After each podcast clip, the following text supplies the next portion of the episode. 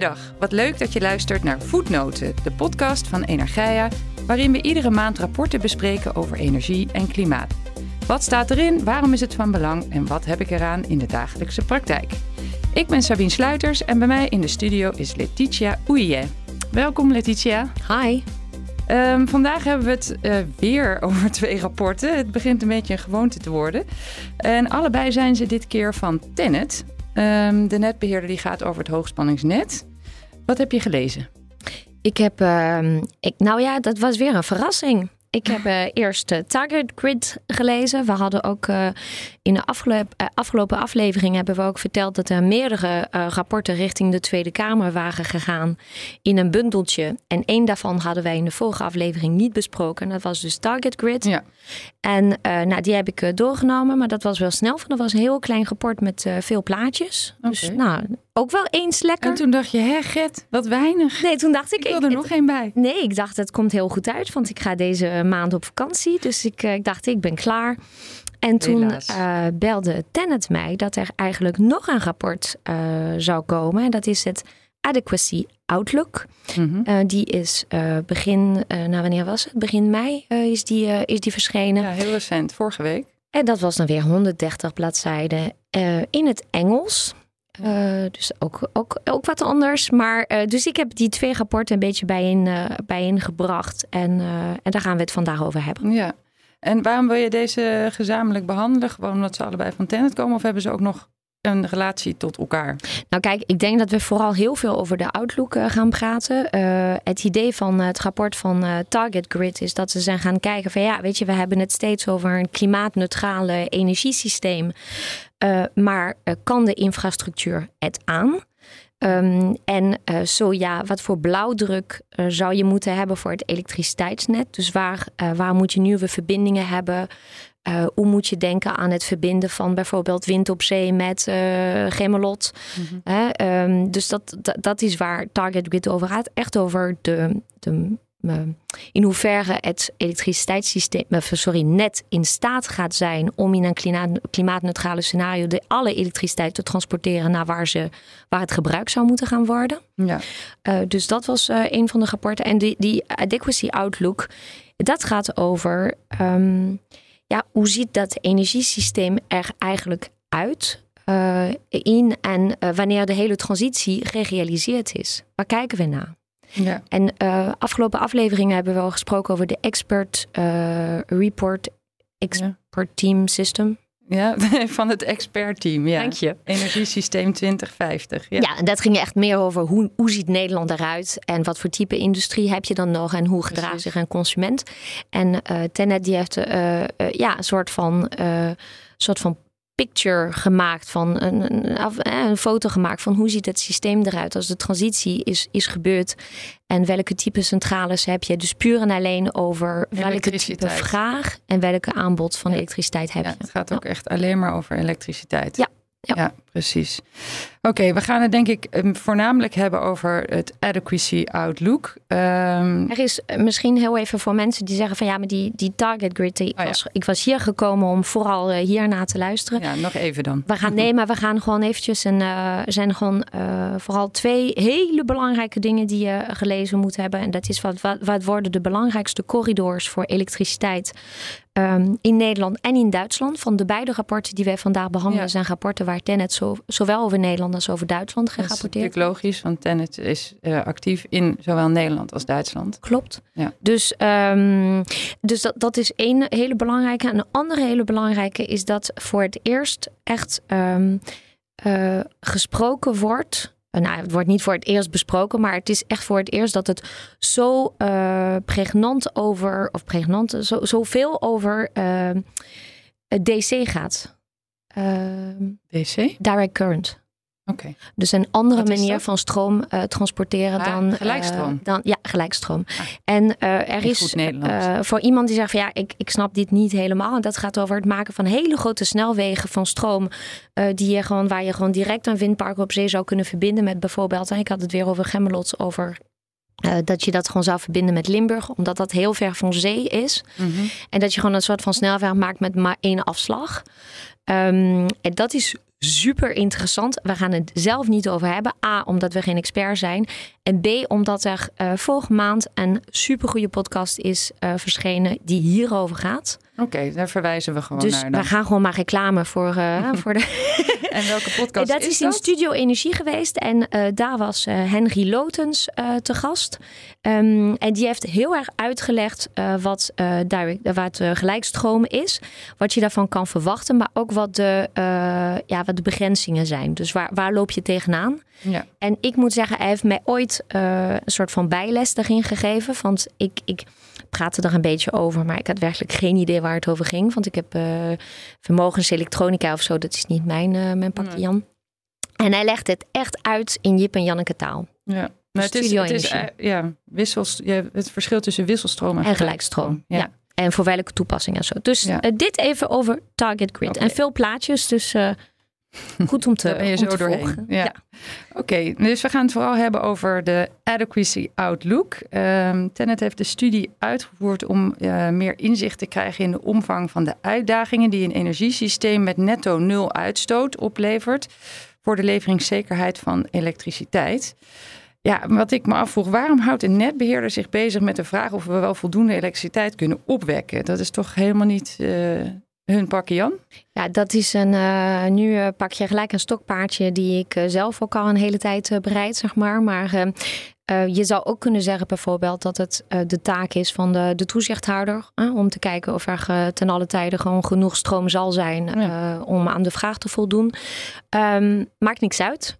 Zij hebben in ieder geval die steen in de vijver gegooid. Het is wel zo dat ehm Tenet om de zoveel jaren een monitor monitoring leveringszekerheid uitbrengt die een horizon heeft van 10 jaar.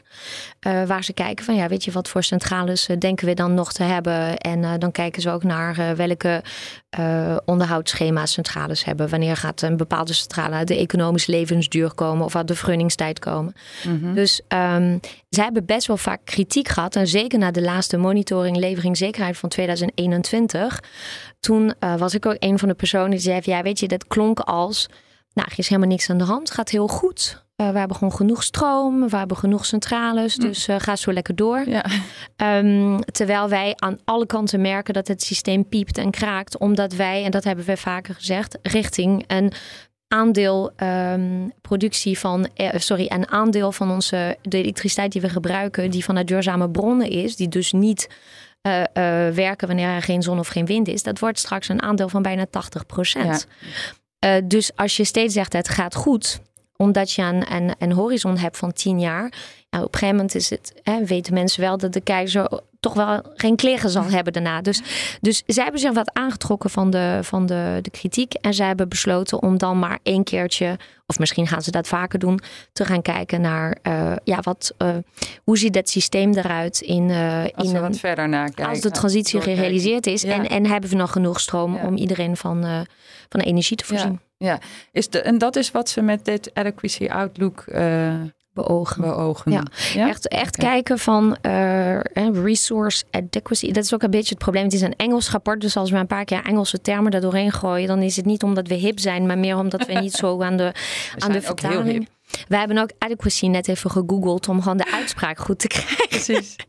maar uh, dat is dus de, uh, in hoeverre het uh, stroomsysteem in staat is om uh, de, de opgetelde vraag naar elektriciteit te kunnen, um, te, te, ja, te kunnen aan, de, aan de opgetelde vraag van elektriciteit te kunnen voldoen tegen een prijs die mensen bereid zijn om ervoor te betalen. Ja, maar het gaat over de hoeveelheid stroom. Ja, ja precies. En, ja, dus en, zowel en, vraag als aanbod ja. is nagekeken. Ja, en uh, wat is het verschil met leveringszekerheid dan?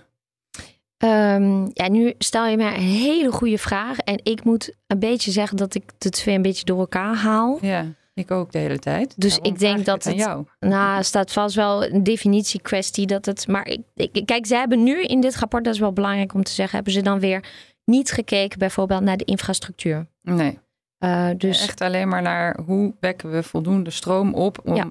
tegen een uh, Acceptabele beta- prijs. acceptabele prijs, Ja. precies. En je zegt betaalbaar, maar dat is Nee, dus nee, juist nee, de crux. Acceptabel, ja, ja. Gaan we het zo over hebben. Ja. Ehm, ja, de studie gaat er dus inderdaad eh, uit van een situatie waarin we al een CO2-vrij elektriciteitssysteem hebben. Ehm, ja, welk jaar dat precies is, dat laten ze een beetje in het midden. Dat laten ze volledig in het midden. Ja. Van ze zeggen van ja, wij, wij pakken gewoon, wij gaan ervan uit dat uh, wij ze zeggen van wij hebben geen specific target year. Nee. En het is an, a point in the future once the transition to net zero has taken place. Dus een moment in de toekomst dat de transitie naar een net zero energiesysteem heeft plaatsgevonden. Ja. En uh, of het nou 2040 of 2050 zijn, dat zeggen ze zelf ook wel. Ja, dat heeft met beleidmakers Ja, te maken. Ja, ja. Ja. ik vond dat ook wel mooi. En eh, ze baseren zich op scenario's. Nou, hebben we die hebben we de laatste tijd veel scenario's in de podcast. Kennen we deze? Uh, ja, zij, we kennen deze. Alleen. Het zou um, heel gek zijn als het niet zo het- was. Ik ga het helemaal uh, uh, vervelend maken. Ze hebben, kijk, ze hebben naar acht scenario's gekeken. Ze hebben vooral naar twee hoofdscenario's gekeken. En dan vervolgens allerlei, uh, uh, noem je dat? Sensitivity analysis gedaan. Dus eentje waar je iets meer wind hebt. En eentje waar je iets meer dit en iets meer Ze dat. hebben daar een beetje aan gesleuteld zelf. Ze hebben daar aan gesleuteld. Waarom? Omdat zij de II3050, dus voor de trouwe luisteraar, dat was waar de aflevering van uh, afgelopen maand over ging. De II3050 scenario, die zijn net herijkt. Ja. Maar omdat ze best wel een tijdje zijn bezig geweest met deze studie, hebben ze zich gebaseerd op de scenario's van De de, versie van 2021. Ja. Dus uh, mocht iemand zeggen van, nou ja, ik volgde het tot nu toe heel goed. dus ik weet waar de scenario's inhouden. Uh, zij hebben uh, twee scenario's aangehouden, maar dat zijn dus niet, ze zijn niet 100% vergelijkbaar met de scenario's van 2023. Eén scenario is um, ja, nationaal elektrificatie. Dus uh, je zet in op efficiency, volle elektrificatie. Je hebt een, een, soort van voorkeur voor het produceren van duurzame energie op je eigen uh, domestic. En dus gewoon op je eigen land. Ja. En je gaat zoveel mogelijk elektrolyse, dus het omzetten van elektriciteit in waterstof, ga je ook zo mogelijk uh, lokaal maken. Ja. En een andere scenario is dan weer een scenario van open market, international hydrogen economy. Veel Dus- meer import. Je import heel veel Ja. en je elektrificeert eigenlijk minder, want je gaat toch echt vanuit dat je goedkoop waterstof zou kunnen trekken vanuit het buitenland. Dus dat zijn wel twee echte tegengestelde scenario's. Ja, dus dat, dat is wel mooi. Ja, er zit echt wel een verschil in. Uh, en uh, wat ze gedaan hebben, is dat ze dus die, die scenario's gepakt hebben. Dus allemaal uh, sensitivity daaromheen, zodat je uitkomt op acht scenario's in totaal. En ze hebben gekeken naar 40 klimaatjaren. Oké. Waarom Want- hebben ze dat gedaan? Nou, omdat uh, zijn jaren dat we gewoon een uh, prachtige zomer hebben en, een, uh, en ook een prachtige winter met veel licht en veel zon en dat soort dingen. oh zo. Maar je hebt ook jaren. Ze hebben gewoon een jaar, en ik moet hem heel even bijpakken, maar volgens mij was het eh, 1996, hebben ze gewoon eh, naar gekeken. En dat is een jaar waarvan ze, ze zeggen van dit was een kalte, donkelflaute. Ja, ja, daar gaan we het straks nog over hebben. Ja, dus gewoon en, en tijd Het was dat... en koud en heel vaak bewolkt met weinig wind. Ja. ja. En, en dan uh, waren er acht dagen in december waar het gewoon uh, een periode was geweest. Stel dat je het, de, het klimaat van 96, het jaar 96 zou hebben in de toekomst, die dat jaar dat, dat, dat systeem helemaal hè, duurzaam en CO2-vrij is, dan zou je acht dagen in de winter niet kunnen rekenen op offshore wind, eh, zonne-energie. Ja. En je zou ook nog hebben dat iedereen het licht gewoon heel erg veel aan heeft en de verwarming ook. ja, dat is grappig. Ja. Dus dat weer, dat gaat ontzettend belangrijk zijn ook uh, ja, in, in toekomstige energiesystemen. Absoluut. Ja. Psychologisch natuurlijk. Um, ja, ze doen een aantal aannames. Uh, onder andere over de value of lost load en over de market cap. Nou, dat zijn twee termen die waarschijnlijk niet alle luisteraars, net als ik, zullen kennen. Um, het is sowieso even... een rapport die ja, echt wel met de. Iemand zei tegen mij: ik, heb de encyclopedia erbij gepakt ja. om hem even te lezen. Nou, daar staat voorin een hele mooie lijst met alle Acronyms. afkortingen. Ja. Want als je inderdaad de teksten doorneemt, je struikelt over de afkortingen. Ja. Het is daardoor slecht leesbaar. Maar aan de andere kant vind ik het juist weer heel goed leesbaar. Want ze hebben hele mooie key messages overal ingezet. En uh, ja, dus uh, wat dat betreft heel goed. Maar goed, Value deze twee termen zijn echt, ja, zijn echt belangrijk om het rapport te kunnen snappen. Om überhaupt het hele onderwerp te kunnen snappen. Kan jij ze uh, even uitleggen? Ik doe mijn best. De value of lost load, dat is eigenlijk wat is de economische schade die er geleden wordt als je ineens geen elektriciteit hebt zonder dat, dat je daar rekening op had kunnen houden. Ja. Van de een naar de and andere moment heb je die elektriciteit niet. Maar het is niet de objectieve schade, volgens mij toch? Het is echt de waarde die we hechten daaraan. Nou, dat, uh, ja, dat is ook wel dus inderdaad en, uh, iets wat ze, wat ze zeggen. Ik, ik was zelf helemaal in shock dat er een gigantisch verschil is tussen wat het uh, in Duitsland kost. Ja. Ja. Of hoe het, sorry, niet wat het kost, maar hoe het wordt ingeschat in Duitsland. In Duitsland gaan ze uit van 12.000 euro per megawattuur. Ja. En wat denk je dat in Nederland is? Ja, ik weet het. Oh ja. nou, zeg jij het maar. 70.000. Ja, dat is bizar groot verschil. Ja. Het is een gigantisch verschil. En ze zeggen ook van ja, weet je, dat, dat hier moet je gewoon met elkaar een gesprek over hebben. En ook met de, de toezichthouder. Van is het niet tijd dat je deze, uh, en deze economische schade opnieuw gaat, gaat beoordelen? En dat, dat vond ik ook wel een hele mooie conclusie. Ze zeggen ook van ja, je kijkt heel vaak in de in de achteruitspiegel. Dus nu bijvoorbeeld denken wij dat mensen geen um, ja, geen verlies aan elektriciteit zouden kunnen leiden. Mhm. Eh, maar tegelijkertijd zien we ook wel dat er steeds meer mensen zijn die kiezen voor dynamische tarieven voor hun elektriciteit. Ja. Waardoor ze accepteren dat er soms momenten in de dag zijn dat ze denken van ja, ik kan nu maar beter de wasmachine niet, niet aanzetten. Dus zo, zo heel gek is het niet. Dus ze zeggen dat ik denk dat wij gewoon richting een herrijking van beide moeten gaan. En zeker in een geïntegreerde uh, elektriciteitsmarkt voor heel Noordwest-Europa stellen ze ook voor om eigenlijk te gaan settelen voor een, uh, een waarde voor de value of lost load van 15.000 euro. Ja, precies. En sowieso, daar, dat, dat is ongeveer het gemiddelde volgens mij van uh, heel veel andere landen in de EU. Hè?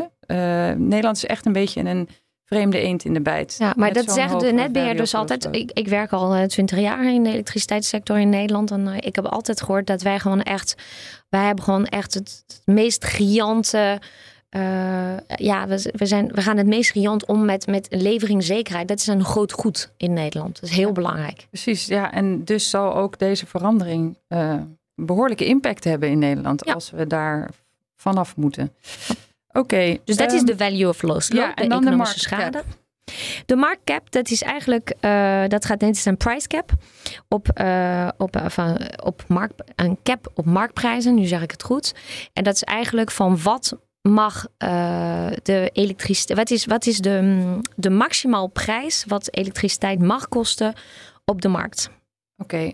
En, en heeft dat ook iets met het prijsplafond te maken? Nee nee, van het prijsplafond, dat is een plafond die is gezet voor uh, wat het, uh, wat ze, um, hoe noem je dat? Uh, dat is voor die, um, ach, en voor de duurzame bronnen. Ik heb moeite vandaag en kernenergie. Dus alle bronnen die normaal en marginale prijs hebben. We hebben ooit uitgelegd hoe de meritorde werkt. Dus je begint met eerst even met de, um, de centrales of de, of de productieunits die gewoon amper wat kosten om op het net te zetten. Zoals bijvoorbeeld zonne-energie. Dat krijg je zomaar. Ik bedoel, hè, dat is, de zon schijnt, hup, ze gaan aan. Um, windenergie ook. Dus de kosten zitten echt in de investering. Maar als je een gascentrale aanzet, dan moet je gas gaan verbranden. Moet je CO2-gerechten erbij gaan kopen. Dus dat heeft echt een kost, een marginale kost. Nou, en uh, er is uh, met de hele hoge elektriciteitsprijzen zag je steeds dat um, zonne-energie, windenergie, nucleaire energie kon gewoon soms rekenen op duizenden euro's, terwijl ze een marginale kost hebben van nul. En dus op een gegeven moment heeft de Europese Commissie gezegd dat ze daar even een cap op wilde zetten, een soort van revenue cap. Mm. Want het mag niet meer dan 180 euro per megawattuur zijn voor deze bronnen. Okay. Voor uh, fossiele bronnen uh, of in ieder geval bronnen die op, uh, op fossiele uh, draaien. Want nu hebben we het over centrales waar misschien bijvoorbeeld CCS zal zijn. Of waar je waterstof zal gaan ja. verbranden. Um, daar is geen cap op. er is een cap, alleen die wordt gezet op 4000 euro voor de day-ahead markt. Dus als iedereen heeft zeg, gewoon bieding gedaan voor de dag daarna. En het blijkt dat er... Uh, dat, er gewoon, dat de prijs naar 4000 gaat, omdat er een onwijs hoge vraag is. Ja. Um, dan zegt Tenet van, nou ja, dat, nee, dat, dat gaan we dus niet doen. Dus de maximaal wat je kan gaan krijgen straks is 4000 euro als producent. Dat is nu. Dat is nu het situatie. Ja, precies. Oké. Maar het is maar heel erg de vraag of dat straks ook nog zo is. Ja. In, uh, in het rapport stellen de onderzoekers dat het uh, mogelijk is om hè, te komen tot dat uh, CO2-vrij elektriciteitssysteem. Met voldoende leveringszekerheid. Maar daar verbinden ze wel een aantal voorwaarden aan. Ja. Uh, want. En niet de minste ook. En niet tenminste ook, nee. Maar daar gaat eigenlijk het hele rapport over. Um, want in een elektriciteitssysteem dat voornamelijk gebaseerd is op zon en wind, uh, nou ja, kan het gewoon gebeuren dat er onvoldoende elektriciteit wordt geproduceerd. Ja, waar we het net over hadden, omdat het niet waait en de zon niet schijnt. Terwijl de elektriciteitsvraag op dat moment wel hoog is. Um, Ja, de onderzoekers die uh, zijn vooral beducht voor periodes van donkelflauten. En dat vind ik echt een schitterende term. Kan je uitleggen wat het is? Dat, ja, we hebben het net een beetje over gehad, maar dat is lange periodes achtereen dat het niet waait. Ja. En dat de zon ook niet schijnt. Dat het mistig is of bewolkt. Kijk, een, een wolkje voor de zon. Uh, dat is vervelend. Dan gaan de zonnepanelen even uit. Uh, maar dat is dan kort. En dat zou misschien ook wel gewoon even opgevangen kunnen worden door een aantal batterijen. Of, uh, dus daar is niet zo heel veel mee aan de hand. Eén dag, geen wind, geen zon, minder wind, minder zon, is ook niet zoveel mee aan de hand. Dan zou je ook nog met batterijen en een klein beetje opslag, of, sorry, bijvoorbeeld warmteopslag in de toekomst. Dus dan zou je ook weer aan de voeten, uit de voeten kunnen. Ja meerdere dagen achter elkaar dat je geen productie hebt van de bron die normaal 80% van jouw elektriciteit levert. Ja. En dan wordt het billen knijpen. Dan heb je echt een probleem. Ja. En, uh, hoe, hoe, vaak komt dat voor? Ja, dat is, uh, dat is dus echt per klimaatjaar anders.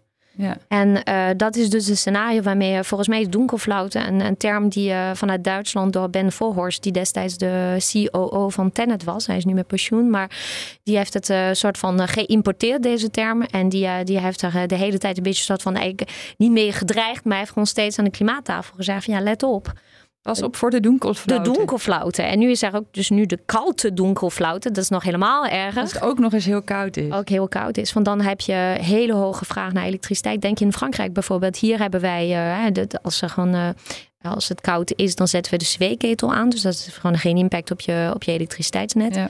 Maar in Frankrijk bijvoorbeeld hebben mensen allemaal elektrische boilers. Ja. Uh, dus uh, de elektriciteit in Frankrijk, sorry, de warmte in Frankrijk wordt gewoon. Ook met elektriciteit opgewekt. Bijna alleen maar met elektriciteit ja. opgewekt. Um, en uh, nou ja, in Nederland willen wij richting warmtepompen steeds meer. Wij gaan allemaal elektrisch rijden. Ja. Um, dus als ja, je allemaal van dat gas af. Dus we moeten sowieso. Dus, dus al dat elektrificatie zorgt ervoor dat het lekker veel vraag oplevert voor zon en wind. Waardoor zon en wind een, een business case heeft. Nou, wanneer het draait, maar wanneer het niet draait. En het duurt echt enkele, nou, meerdere dagen achter elkaar, misschien zelfs weken achter elkaar, dan kom je in dat donkerflaute scenario. En eigenlijk gaat het hele rapport van Tenet over. Ja, het is prachtig als je een systeem hebt die op een, uh, mooie zonnige dag of zonnige jaar met uh, een perfecte milde winter en een uh, zonnige ja. zomer. Dat, fantastisch dat het gewoon rondrekent. Maar we willen niet hebben dat als het weer van 96 zich herhaalt, dat wij misschien zelfs een, een Elfstedentocht ik veel, gaan krijgen in 2040, dat je dan uh, echt een probleem hebt. Ja, ik snap het. Hoe, uh, hoe kunnen we deze periodes het beste opvangen? Want dat is eigenlijk waar het uh, nu om draait. Ja, nou daar hebben zij, zij hebben ze verschillende opties voor. maar um, ze zeggen je kan, je kan meerdere dingen doen. Je hebt gewoon, dus we zitten in een situatie waar je gewoon geen zon en geen wind hebt. Wat zou je kunnen doen? Nou, ze zeggen heel belangrijk is demand response. Dus gewoon vraagrespons. Ja. Um, dat betekent uh, de prijs is hoog uh, of er is helemaal geen elektriciteit. Dus je gaat dus minder vraag naar elektriciteit. Ja, dus de vraag moet meebewegen met het aanbod. Met het is aanbod. Er veel aanbod, moet de vraag omhoog. Is er weinig aanbod, moet de vraag, moet de vraag omlaag. omlaag. Of helemaal uit. Ja, en hoe, hoe kan dat? Nou ja, dat kan op uh, eigenlijk drie verschillende manieren. Ze zeggen van nou, je hebt gewoon bepaalde uh, demand response, wat gewoon uh, inherent is als bev aan bijvoorbeeld het gebruik van elektrisch vervoer en warmtepompen. dus ze maken ook gewoon aannames van dus hoeveel. laat je auto op als er veel stroom is. Ja. Ja. En, uh, en, uh, en uh, voor de rest, of levert bijvoorbeeld terug aan het net aan. Op dit moment wordt daar een klein beetje mee geëxperimenteerd, maar het is nog geen, niet echt een doorslaand succes. Maar in de toekomst zou je ook kunnen zeggen van dat je auto, als die een volle batterij heeft, dat die gewoon terug gaat leveren aan het net. Bidirectioneel laden. Ja. Ik heb overigens ook nog een heel leuk voorbeeld van demand response. En dat zijn de datacentra van Google in dit geval. Die ehm, sturen zeg maar, de rekencapaciteit die het datacentrum uh, gebruikt. Dat kost heel veel, uh, heel veel stroom.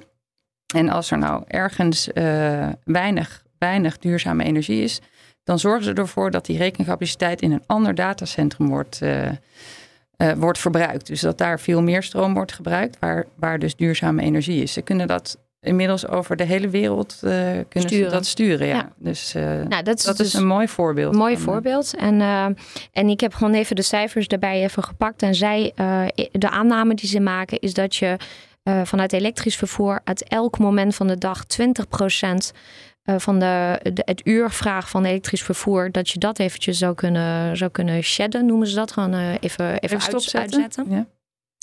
En overigens tegen een prijs van 700 euro per megawattuur.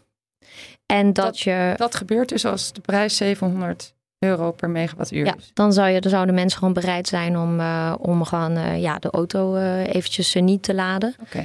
En voor warmtepompen geven ze aan dat ze denken dat je ook ongeveer 20% zou kunnen, zou kunnen shedden. Dus dan zou kunnen uitstellen bijvoorbeeld. En dat tegen een kosten van 500 euro per megawattuur. Dus ze dit dichten... is dus allemaal wel met, met toestemming. Want ik kan me voorstellen dat luisteraars denken... ja, gaat er dan in de toekomst gebeuren dat ik mijn auto wil opladen... en dat hij het opeens niet doet omdat er te weinig stroom is? Maar dit is wel met toestemming zeg maar van ik ga, ik ga ervan uit dat we niet naar een uh, stroomdictatuur gaan. Maar bijvoorbeeld, er is een heel mooi voorbeeld in, um, in Amerika. Heb ik ooit een presentatie gehad van zo'n bedrijf die deed uh, het aansturen van airco's. En dan mensen die daarvoor uh, gekozen hadden. Dus bijvoorbeeld dat je uh, kon zeggen tegen een, uh, een consument van, nou, weet je, de, nu even 20 minuten even wachten met het aanzetten van de airco, want uh, even niet. En er was een rode knop op de muur die je kon indrukken als je het systeem wilde overroelen. Ja, ja. En dat is wel natuurlijk ook wel belangrijk. Ze maken ook later in het rapport, gaan ze voor elke van de, van die, van de bronnen aan flexibiliteit die we nu gaan noemen, komen ze met een D-rating factor. Nou, vraag me alsjeblieft niet wat de definitie is, want ik heb er zes van gelezen. Maar eigenlijk is het, in hoeverre kan je rekenen op deze flexibiliteit. Dus ja, ze zouden 20% flexibiliteit hè, vanuit hun vraag kunnen leveren. Maar in hoeverre is dat een soort van zeker iets? Ja. In hoeverre wil de klant niet toch laatst moment zeggen: nou ja, laat maar. Onrealistisch. En bijvoorbeeld voor warmtepompen zeggen ze: van, ja, het is ongeveer 40%. Dat je erop kan rekenen nou, dat het er uh, gaat zijn. En voor elektrisch vervoer is dat 80%. Hoeveel procent zei je? 80% Sorry, ik heb zelf een elektrische auto, dus ik stik ervan. Nee, uh, eh, 80% voor elektrisch vervoer en voor warmtepompen 40 procent. Kijk, het heeft er ook te maken, is men thuis? Ja, tuurlijk.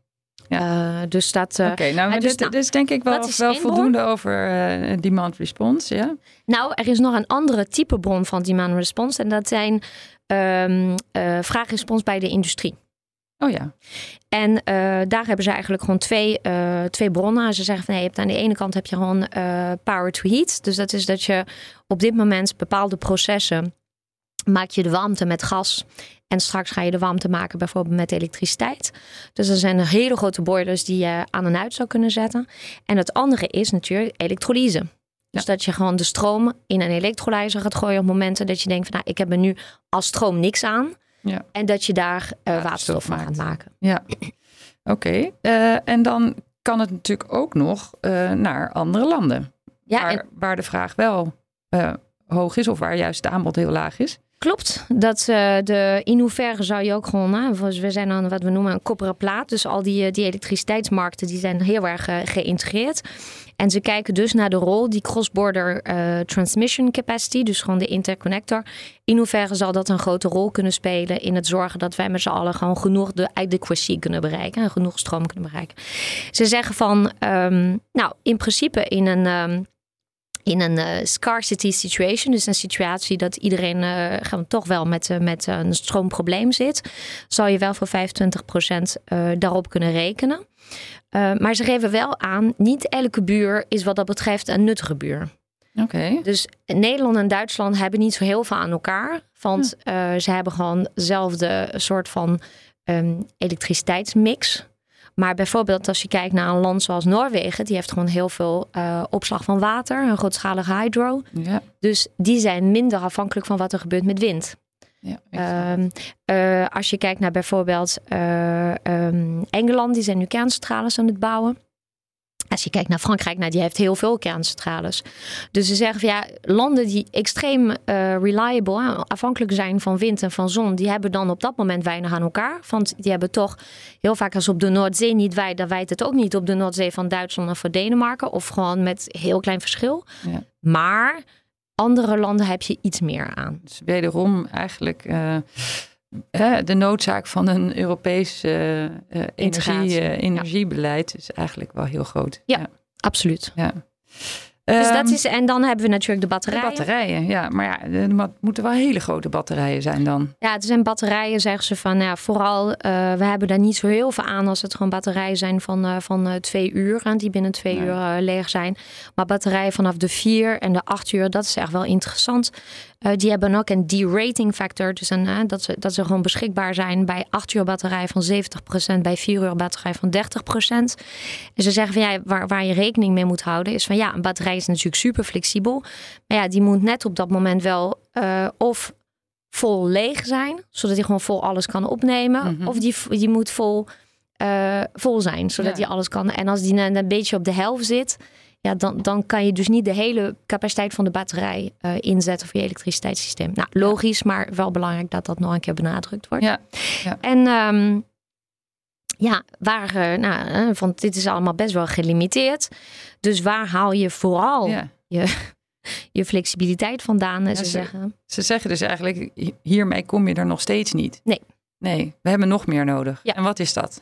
dat zijn eh, gascentrales waarin je waterstof eh, gaat eh, verbranden. Ja, En ehm, ja, weet je, ik, ik hoor de kritiek nu al eh, dat van mensen die zeggen: ja, weet je, het omzetten van de elektriciteit in waterstof verlies je ongeveer pak beet de helft. ja, Want een omzetting, dat kost gewoon, dat is gewoon elektriciteitsverlies. Ja. Nou, daarna ga je gewoon weer elektrisch, oh, sorry, waterstof weer verbranden in een gascentrale. Gooi je weer de helft uit. Ja, dit rekent toch niet rond. Ja. Uh, maar je moet gewoon heel erg gaan redeneren vanuit het idee van ja, er zijn echt zoveel momenten dat je zoveel elektriciteit gaat produceren waar je gewoon helemaal niks aan hebt. ja, Dat de omzetting dan gewoon beter is dan alles door het putje te doen. ja, dat lijkt me sowieso zo. Maar, Ja. ja. Oké, En eigenlijk, uh, dat hele rapport daarna, dat kijkt naar al deze elementen. De gascentrales die waterstof verbranden, de batterijen, de vraagrespons en dat soort dingen. Dat zijn gewoon investeringen vooraf. ja, En er genoeg uren zijn in het jaar voor deze centrales of, of installaties om zichzelf terug te verdienen? ja. Nou, daar, komen, daar komen we zo op. Ik wil nog heel even naar wat er gebeurt als er onvoldoende elektriciteit wordt opgewekt. Wat, wat, ja, dat is dus die value of lost load krijg je dan. eh, eh, krijg je dan dat, dat speelt dan. Ja. En uh, in Nederland is die dus heel, heel erg hoog. Um, ja, dat kun je dus voorkomen door die, die centrales. Maar mm, die moeten dan, daar moet in geïnvesteerd worden. Uh, terwijl ze maar heel kort zullen draaien. Hoeveel van die centrales denken we dat we nodig hebben? Ja, hoeveel uh, weet ik niet, maar de opgetelde capaciteit, oh, die had je zelf in het draaiboek gewoon gevonden. Dat was tussen de, uh, ja, volgens mij de bovenkant. Oh ja, ik heb het hier. Zij denken, in ieder geval wat betreft uh, de capaciteit van, van waterstofcentrales, zat ze volgens mij tussen de, um, nee, wat, het is 4 tot 16 gigawatt. Um, ja, maar dat is hoeveel CO2 opgewekt vermogen hebben we nodig. Ja. En dat zes uur per jaar. Dus ze hebben al die verschillende klimaatjaren bekeken. In sommige ja. jaren hebben we helemaal niets nodig. Dat zijn die prachtige jaren met veel zon en veel wind. En uh, milde, milde winters. Um, maar er zijn dus ook jaren zoals 1996. Um, en als, als we dat allemaal op een hoop gooien... en dan kom je op gemiddeld zes uur per jaar... dat, er zo'n, dat die centrales moeten draaien. En dan hebben we er 4 tot 16, dat is nogal een marge wel... gigawatt aan uh, opgewekt vermogen nodig... Um, om dus die donkelflauten door te kunnen komen. Ja, ik heb nu een gigantisch twijfel. En dat is wel jammer, van ik heb Dit is het voor rapport Nederland. niet van mijn neus. Ja, Dit is voor Nederland. Ze kwamen op in Duitsland tussen de 8 en de 56 Ja. gigawatt. Dat is ook nogal een Dat, spreiding. ja, Maar even later uh, komen zij op 52 gigawatt van uh, centrales waar je de waterstof verbrandt in totaal. Dus ik vraag me af of wij nu niet een, een grove fout maken dat we hydrogen producing capacity, dus electrolyzers door elkaar halen met de centrales. Dus dat wordt een, voor Oké. de luisteraar is dit de quiz. de quizvraag. Wie Maar goed, heeft... Ja, waar het dus om gaat, en daar heb je wel gelijk in. Ze zeggen van ja, weet je, stel dat je inderdaad, ze zeggen van als je 52 gigawatt aan uh, centrale zal hebben waar waterstof in verbrand uh, wordt, dan, om elektriciteit van te maken, dan reduceer je de uh, LOE, de LO, LOLE, dat is weer een afkorting, dat is een hoeveel uur je zonder stroom zit, reduceer je naar 6 uur per jaar. En uh, dat vind ik misschien wel het meest interessante conclusie van het hele rapport. Ze zeggen van ja, oké, maar dan laten we eventjes kijken van wat gebeurt er als je dan van de 52 gigawatt nog maar de helft doet. Mhm. Dus je gaat niet 52 gigawatt. 52, dat is, dat is, dat is gewoon heel groot. Hè? Ja, dat is ontzettend Dus veel. zo'n een kolencentrale is gewoon dan 1 gigawatt geïnstalleerd ongeveer. Hè? Dat is 52 keer zo'n groot. Dat is gewoon geen kleine, Nee, kleine dingen. Stel je gaat, maar het is wel opgeteld Duitsland Nederland. Stel je gaat naar 26, zeggen ze dan kom je tot een eh, hoeveel uur je zonder stroom zit? 70 uur.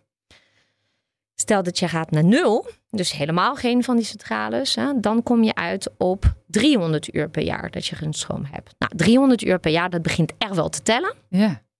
Maar ik vind zelf wel, en nu eh, maak ik geen enkele in mijn hoofd, misschien zou ik moeten gaan kijken wat zijn de maatschappelijke consequenties.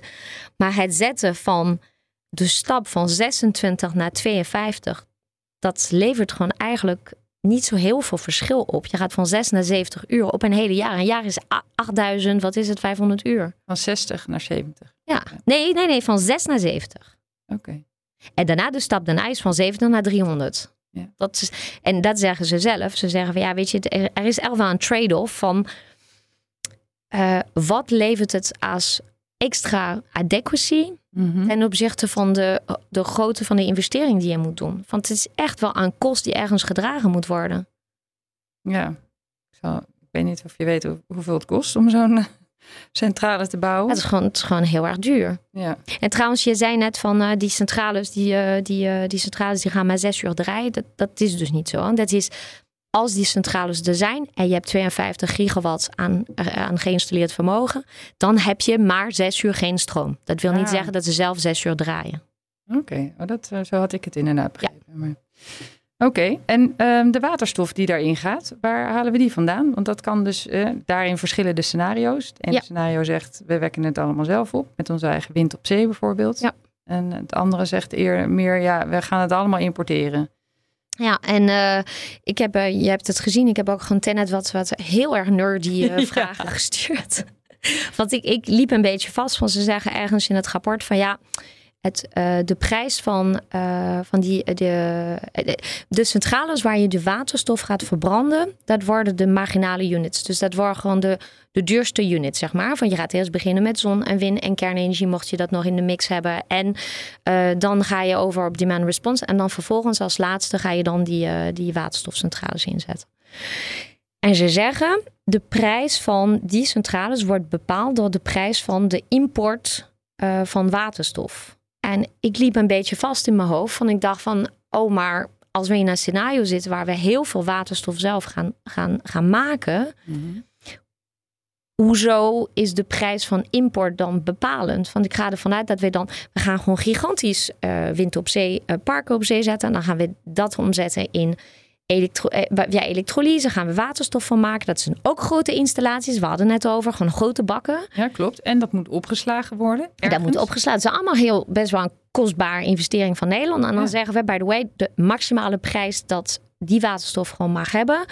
Dat is eh, de prijs van import. Dus je gaat gewoon gelijk de directe concurrentie aan met import van bijvoorbeeld waterstof, wat in de, de, op de Sahara wordt Ja. eh, opgewekt en vervolgens vervoerd. Nou, je zou kunnen zeggen van het vervoercomponent van het waterstof en het feit dat het misschien ook nog een keer omgezet moet worden naar iets wat trans- transportabeler is dan waterstof zelf. Waterstof is heel volumineus. Dus je hebt kans dat je op de Sahara je van zon waterstof maken, van waterstof ammoniak. Je gaat het gewoon transporteren naar Rotterdam. Ook dan ga je het weer omzetten in waterstof. Dus je zou kunnen zetten, weet je, het gaat wel, weet ik wat, hè, een euro of twee euro uiteindelijk gewoon kosten. En eh, wat wij in Nederland gaan doen, kan er tegen eh, concurreren. Het enige, en dat is misschien wel mijn allergrootste kritiek op dit rapport. Het hele rapport gaat uit dat er geen lange termijn afspraken zijn tussen partijen.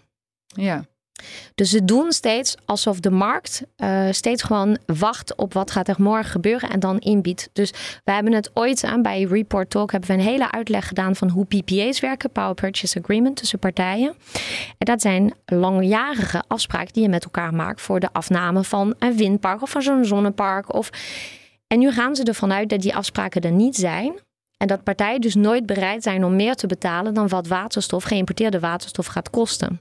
Mhm. En dat is een beetje waar ik gewoon waar ik in mijn hoofd vastloop. Dat ik denk van ja, Nou, dat wordt wel heel spannend dan voor de elektrolyzers om, om überhaupt ooit te kunnen leveren. Ja. Dat is gewoon een gigantisch concurrentiefactor vanuit het buiten. Ik snap hem wel vanuit een marktperspectief. Maar aan die andere kant, um, vanuit een investeerdersperspectief, denk ik, nou, ik geef het je te doen om nu naar de bank toe te gaan. Uh, te zeggen van, nou ja, weet je, ik weet niet precies hoeveel uren ik ga draaien. Ik weet niet precies hoe, hoeveel de elektriciteit gaat kosten. En ik moet het helemaal via de markt doen. En by the way, er komt straks heel veel import via importterminals. En die bepalen dan straks de prijs wat het mag zijn. Snap je wat ik bedoel? Ja, ik snap helemaal wat je bedoelt. En ik vraag me af, hebben ze dat misschien expres gedaan? Nou, ik denk je moet eenmaal uh, versimpelende aannames maken. Anders uh, raak je gewoon in Excel ergens in een soort van rabbit hole en je komt er nooit meer uit. Maar voor de mensen die uh, met dit rapport straks aan de gang moeten en echt moeten gaan analyseren van ja, Tenet heeft dit en dat gezegd, maar moet ik ermee? Is het wel een allesbepalende aanname van het rapport. Ja. Want ik geloof absoluut niet dat wij naar een situatie toe gaan dat alles op de markt gaat gebeuren. Tenet zegt ook aan het hele einde van het rapport in de laatste bladzijde van ja, heel belangrijk om toch misschien naar PPA's te kijken. Dat was ook de conclusie geweest ooit van TNO. Je gaat never nooit 70 gigawatt op zee zetten als die investeerders niet iets van een gevoel hebben ja, voor wat krijg je daarvoor? Wat krijg ik daarvoor? Want iedereen zegt van ja, in principe 0 euro, want je hebt gewoon nul kosten. Dat is gewoon een heel slecht verhaal naar de bank. Ja. Uh, dus dat is wel uh, de aanname, die je, dat is de bril die je steeds op moet doen als je dit rapport leest. Oké, okay, oké. nou met dat in het achterhoofd, dan toch nog even gaan kijken naar hoe uh, kunnen deze centrale, centrales zichzelf terugverdienen? Of hè, die investering dan daarin. Wat zeggen ze daarover? Ja, ze zeggen, um, je moet accepteren dat het soms onwijs duur wordt. Oké. Want als je de centrales de hele tijd op een soort van de, op, op, op de achterbank houdt. Ze doen niks. Ja, er worden gewoon daar mensen betaald om daar te werken. Maar die zitten de hele dag een beetje op de bank te Netflixen. Want de centrale is niet nodig. Er is genoeg zon en wind. En op een gegeven moment krijgen ze een telefoontje. Nu, nu, nu komen. Want de komende uur doenkelfluiten. ja. Um, je moet je waterstof hebben ingekocht. Dan moet je gewoon lange termijn afspraken uh, meemaken of niet. Uh, ja. Afhankelijk van welke bril je op hebt. Um, dus je moet erop rekenen dat de uren dat gewoon die centrales aangaan, goed gaan maken het feit dat ze de rest van het jaar niks doen. Precies. En um, dat is heel eng. Ja. Want als de prijs heel erg hoog wordt, dan moet die prijs ook betaald worden. Ja. En, en um, door wie? Door jij, ons allemaal. Ik. Ja. Wij. Maar we hebben gezien industrie. wat er gebeurt als, als die prijzen hoog oplopen. Dan krijg je een enorme maatschappelijke en politieke onrust. Ja. Dat, en dat, dat willen we allemaal niet. Nou, daar waarschuwt Tenet ook voor. Die zegt, ja, weet je, um, je moet die ruimte geven. En als je die ruimte niet geeft aan de markt om te laten zien wanneer er sprake is van schaarste, dan komt er geen investeringsprijssignaal of een, een, sorry, een investeringssignaal in de vorm van een hoge prijs ja. voor dit soort capaciteiten. En ik snap het ook wel. En ze zeggen van ja, het is linksom of rechtsom. En als je dat niet doet, dan ja, komen die centrales er gewoon niet. Ze komen er niet. Of je zou moeten gaan naar capacity mechanisms. En dat zijn gewoon dat je een centrale betaalt om er überhaupt te staan. Ja, ja, dan, dan kunnen ze de zekerheid verkopen. Van nou, mocht uh, bijvoorbeeld een industrie die enorm afhankelijk is van elektriciteit. Um, die kunnen dan die zekerheid inkopen bij die centrales. Van nou ja, mocht het inderdaad voorkomen dat er onvoldoende stroom is, dan kan ik altijd terugvallen op die centrale. Ja. ja dat zijn dan hele dure contracten waarschijnlijk. Van... Ik heb uh, ooit um, uh, super duurzaam, maar ik, ik heb ooit als stewardess gewerkt, vijf jaar. En je hebt wat we noemen reserve. En dan uh, heb jij je... toch een hoop dingen gedaan. Ja, Ongelooflijk. Toen ik, uh, toen ik uh, jong en mooi was. Maar ik heb uh, dus vijf jaar was ik stewardess. En dan zit je eens per vier maanden zit je 14 dagen op de bank te wachten of de telefoon gaat. Ja. En je wordt dus betaald om gewoon dus... Je was een soort oproepkracht? Of, ja, uh, nou ja. nee, maar dat heeft iedereen aan zijn rooster. En, uh, en dan word je gewoon gebeld. En dan, uh, en dan moet je gaan. Maar het is toch wel de bedoeling dat ze je de twee weken betalen... om gewoon thuis op de bank te wachten met de make-up en de haar klaar... en je uniform aan om gewoon te gaan springen in de vliegtuig om naar Singapore te gaan. Ja. Nou, het is precies hetzelfde. Oké, okay. ja, maar iets minder duur misschien. Nou, nee, dit, oh ja, ja, ja zo duur. wij waren minder duur. Maar, dus ja. dat, uh, dat is dus die, uh, die voorwaarden die ze aangeven. Ze geven aan van ja, je moet wel echt even zorgen dat je die, die prijssignaal naar de markt uh, toe laat ja, gaan. En dat ze zeggen ook, um, alleen al het risico op overheidsingrijpen is al voldoende om die investeringen weg te jagen. Eigenlijk. Investeerders weg te jagen. Ja. Ja. Ergens anders trouwens, uh, dit even, wij mogen soms wel een beetje, een beetje kritiek leveren. Dat mag wel eens. Ja, nou, ja. ja. Maar ben je daar niet vies van? Nou ja, het is meer dat het gewoon, het is ook een beetje feedback naar de mens toe. Maar ze schrijven een paar dingen schrijven ze waarvan ik denk van nou nee, dat is niet waar. Um, kijk, ze schrijven um, de hoge prijzen van 2022, waar we vaker over gesproken hebben. En dat de, oorlog in Oekraïne, maar ook bijvoorbeeld de, het feit dat alle kern, of nou, niet alle, maar heel veel van de kerncentrales in Frankrijk eventjes uh, onderhoud hadden.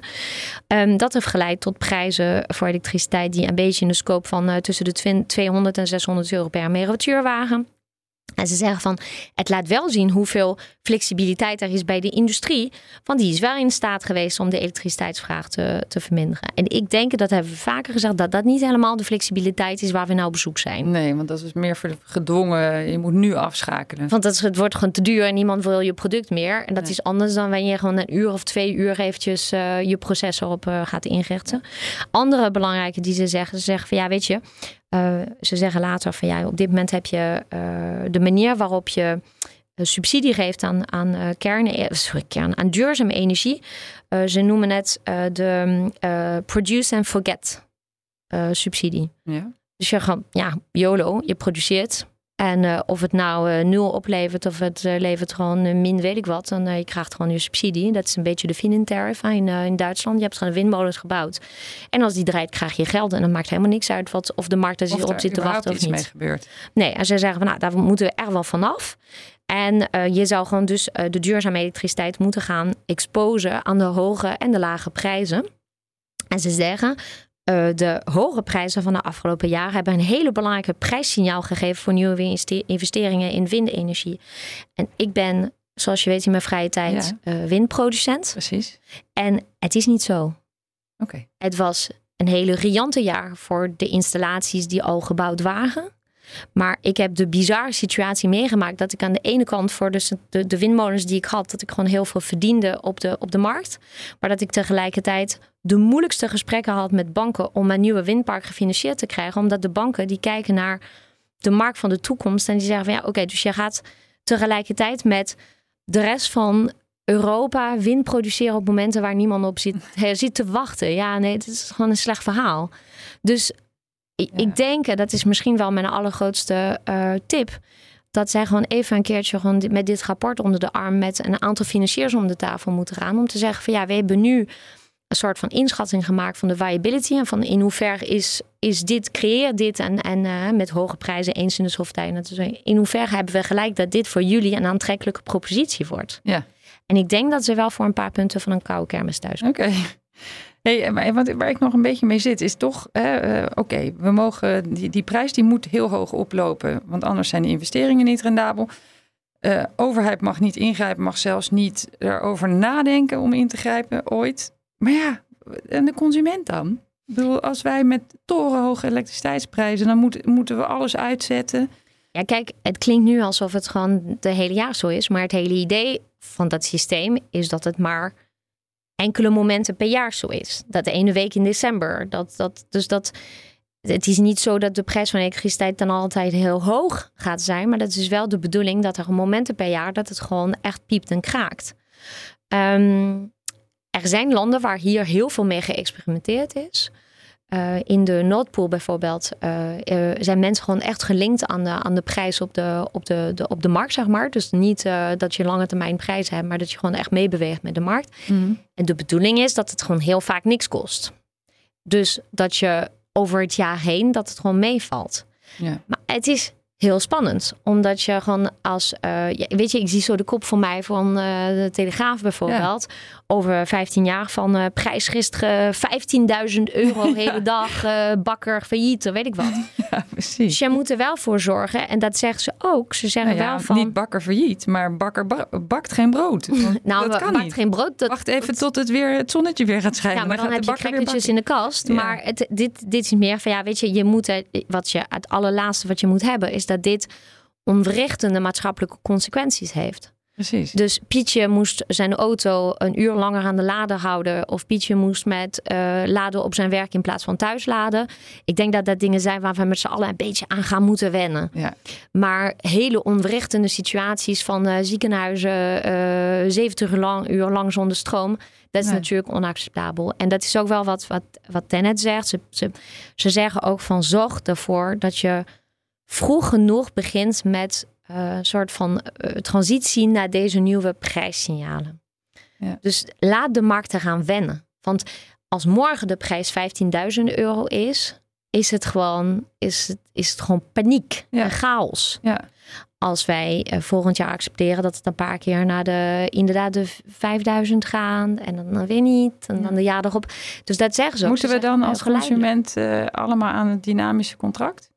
Nou ja, dat, dat stel je een hele goede vraag. Ik, ik, ik heb hem zelf niet. En ik, ik vind ook dat als je een dynamisch eh, contract hebt, dan, dan moet je ten eerste A kijken van ja, wat. ehm, in hoeverre heb je gewoon echt wel invloed op de elektriciteitsvraag van je huis? Je gaat de koelkast niet uitzetten.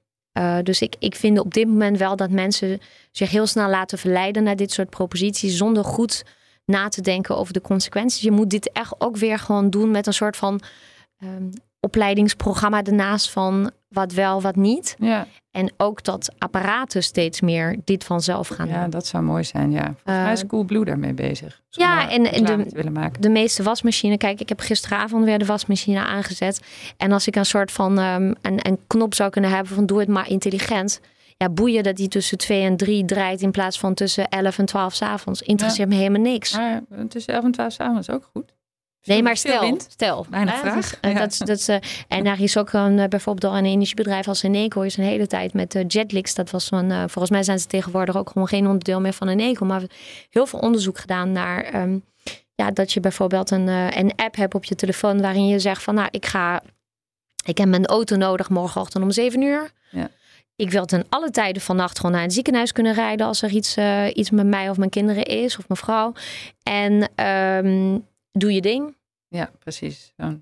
Ja, nou, wat ik ook las, en dat vond ik wel grappig, is dat ze niet zeggen eh, dat ze voorstellen ehm, om dat consumenten een dynamisch contract krijgen, maar daarin eh, een soort van premie kunnen betalen voor een bepaalde zekerheid hè, van levering. Ja, dat vind ik, ik heb ik heel veel moeite mee. Ja, Nou, ik vond het wel handig. ja, nee, je krijgt een tweedeling. En wat, wat, hoe zit het nou met de mensen die het niet Ja, kunnen dat is betalen? waar. Het is een hele discussie nu, ook Ja. met het, het klimaatpakket van moeten we nou naar een situatie toe dat je alleen maar in de trein mag gaan zitten als je gewoon de spits kan betalen. Ja. Eh, maar hier komen we in een politieke discussie, jij en ik. Ja, moeten we precies. niet doen. Maar goed, ik vond Andere de gedachte podcast. wel aardig, maar inderdaad, dat levert weer andere problemen op. Ehm, ja, hoe fundamenteel zijn deze veranderingen nou ten opzichte van het systeem zoals we het nu kennen? Eh, ze zijn best wel fundamenteel. Ja, nou kijk, eh, als je helemaal, eh, net als ik, een eh, tijdje meedraait, dan weet je dat bijvoorbeeld vergoedingen om industrie af te schakelen en afspraken vooraf met industrie om af te schakelen, dat dat voor de jaren 2000 eh, common practice was in, in Nederland. Nou, je had altijd afspraken met Netstaal en met Aldel. Dat waren typisch die bedrijven die aan het begin van het jaar tegen wie het systeem vroeg van Ja, kunnen wij op jou rekenen dit jaar om een paar keer per jaar gewoon echt even af te schakelen. Eh, dus dat is in principe niet zo nieuw. Wat er, eh, en daarom was ik zo excited over dit rapport, is. ehm 2019 hebben we dus klimaatakkoord gehad, waarin wij met z'n allen afgesproken hebben van er komt nu heel erg veel duurzame elektriciteit. Hup, hup, hè? Eh, Ja. heel veel wind op zee. Er is altijd gezegd van ja, we zullen wel CO2-vrij, regelbare vermogen nodig hebben Ja. voor de momenten dat het er niet is. En toen heeft, als ik me niet vergis, de eh, ministerie van de EZK heeft toen toegezegd: van, ja, we zullen op een gegeven moment een soort van inschatting moeten maken van is dat zo, hoeveel, in welke vorm en dat soort dingen. Ik zit al jaren op die studie te wachten. ja. En dit komt een beetje in de buurt. Dat komt heel erg in de buurt. Ja. Dat is een eerste aanzet voor een discussie. En dat is de eerste studie die een paar uncomfortable truth vertelt. Ja, Ja, ja, je gaat dit inderdaad niet redden alleen maar met wind en zon. En dit zijn ongeveer de uren. En dit is ongeveer de prijs dat het zou moeten gaan kosten. We moeten naar die 15.000 euro durven komen. ja. En dat ze ook zeggen van ja, misschien moet je ook capaciteitsmechanismen gaan eh, betalen. Nou, dat is helemaal een, een, een, een soort van verboden woord eh, geweest, jarenlang in Nederland. Want ja, ik zie de discussie nu al van je gaat dus grote producenten van gascentrales nu, waar je straks waterstof in doet. Nou, die worden heel vaak gewoon in één, in één reeks gewoon genoemd met de fossiele achterban. Die gaan straks uh, betaald worden om klaar te staan. bij te staan. Ja. En nou zegt hij net wel, een beetje van die, die politieke, uh, hoe noem je dat, uh, vriendelijke uitspraken van ja, maar je zou ook capaciteitsmechanismen voor zonne-energie kunnen betalen of voor windenergie. Nou, echt liever niet. Ze zeggen ook van ja, de black start, dat is wanneer het systeem helemaal een blackout heeft gehad, hoe herstart je het? Ja. Zeggen ze, zou je ook gewoon met wind en zon kunnen doen? Ja, ook gewoon, weet je, liever niet, want je bent, je bent net zonder zon. Dus dat, um, en daarna heb je een inertia-probleem, gewoon een lang verhaal, maar maar daar dat komen, zijn wel... komen we helaas niet meer Nee, we eh, komen niet het is, ook, is ook bijna niet uit te leggen voor, voor mij in ieder geval. Maar, nee. um, dus maar... ze komen wel met een paar conclusies waarvan ik denk, nou, eh, ja, EZK, eh, kom op. Ja, en, en gaan we doen. nou, hoe gaat het nu verder? Gaat EZK dit, uh, dit lezen en gaan ze er iets mee doen? Of... Uh... Nou, ik hoop heel erg, eigenlijk hoop ik twee dingen. Ik hoop dat uh, Tenet met deze studie, kijk, ze hebben alles zelf gedaan. Dat vind ik echt best wel knap. Ja, vind ik ook knap, ja. Dus uh, ze zijn niet naar een consultant gegaan en gezegd van ja, schrijf maar iets over adequacy en dan gaan we twee keer een brainstorm hebben en dan uh, superleuk. Ze hebben dit echt met hun eigen team gedaan, helemaal gemodelleerd.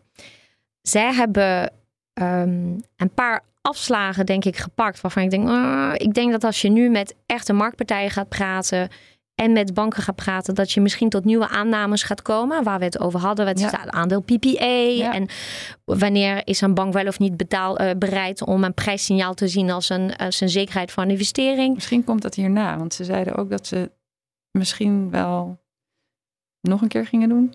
Ja, nou dat, al, dat is al voor mij en dat is gewoon een tip. Ja, voor de idee, ideeënbus. Ja. Um, maar ik hoop ook wel dat, uh, want kijk, we hebben in het coalitieakkoord is een bedrag gereserveerd voor CO2-vrije centrales. Mhm. In het nieuwe extra klimaatmaatregelenpakket is een bedrag gereserveerd voor CO2-vrije centrales. Ja, beval nou eens van een, een, een besluit, wat ga je dan doen? En dat wordt een ingewikkelde politieke discussie. Want we willen naar wind en zon en knuffelbare batterijen en buurthuizen en dat soort dingen. En nu ga je zeggen, de prijs moet wel naar de 15.000 euro moeten, mogen kunnen. Ja. En we gaan misschien wel uh, zekerheid geven aan investeerders van gascentrales, waar op dit moment dus aardgas verbrand wordt, maar die omgebouwd worden naar waterstof. Ja. Ingewikkelde gesprekken moeten echt plaatsvinden. Nou, heel goed. Ben je nog iets leuks tegengekomen? Um, ben ik iets leuks tegengekomen? ja, ik had er in de voetnoten misschien. Ja, nou, de, nee, de, de PPA was ik, uh, was oh, tegengekomen. Die hebben we al besproken. Ja. Nee, eigenlijk uh, weinig luxe. Het was echt wel een, een stevig, uh, stevig rapport. En wij, heel weinig voetnoten. Ja. Nou, waarvoor dank, Tennet. Dan zijn we weer aan het einde gekomen van de vijfde aflevering alweer. We zitten op de helft van Voetnoten, de podcast waarin we taaie rapporten in hapklare brokken opdienen. Dankjewel Letitia voor je heldere uitleg. Over een paar weken zijn we weer terug met een volgende aflevering. Heb je een vraag of opmerking naar aanleiding van deze aflevering? Laat het ons dan weten via de socials.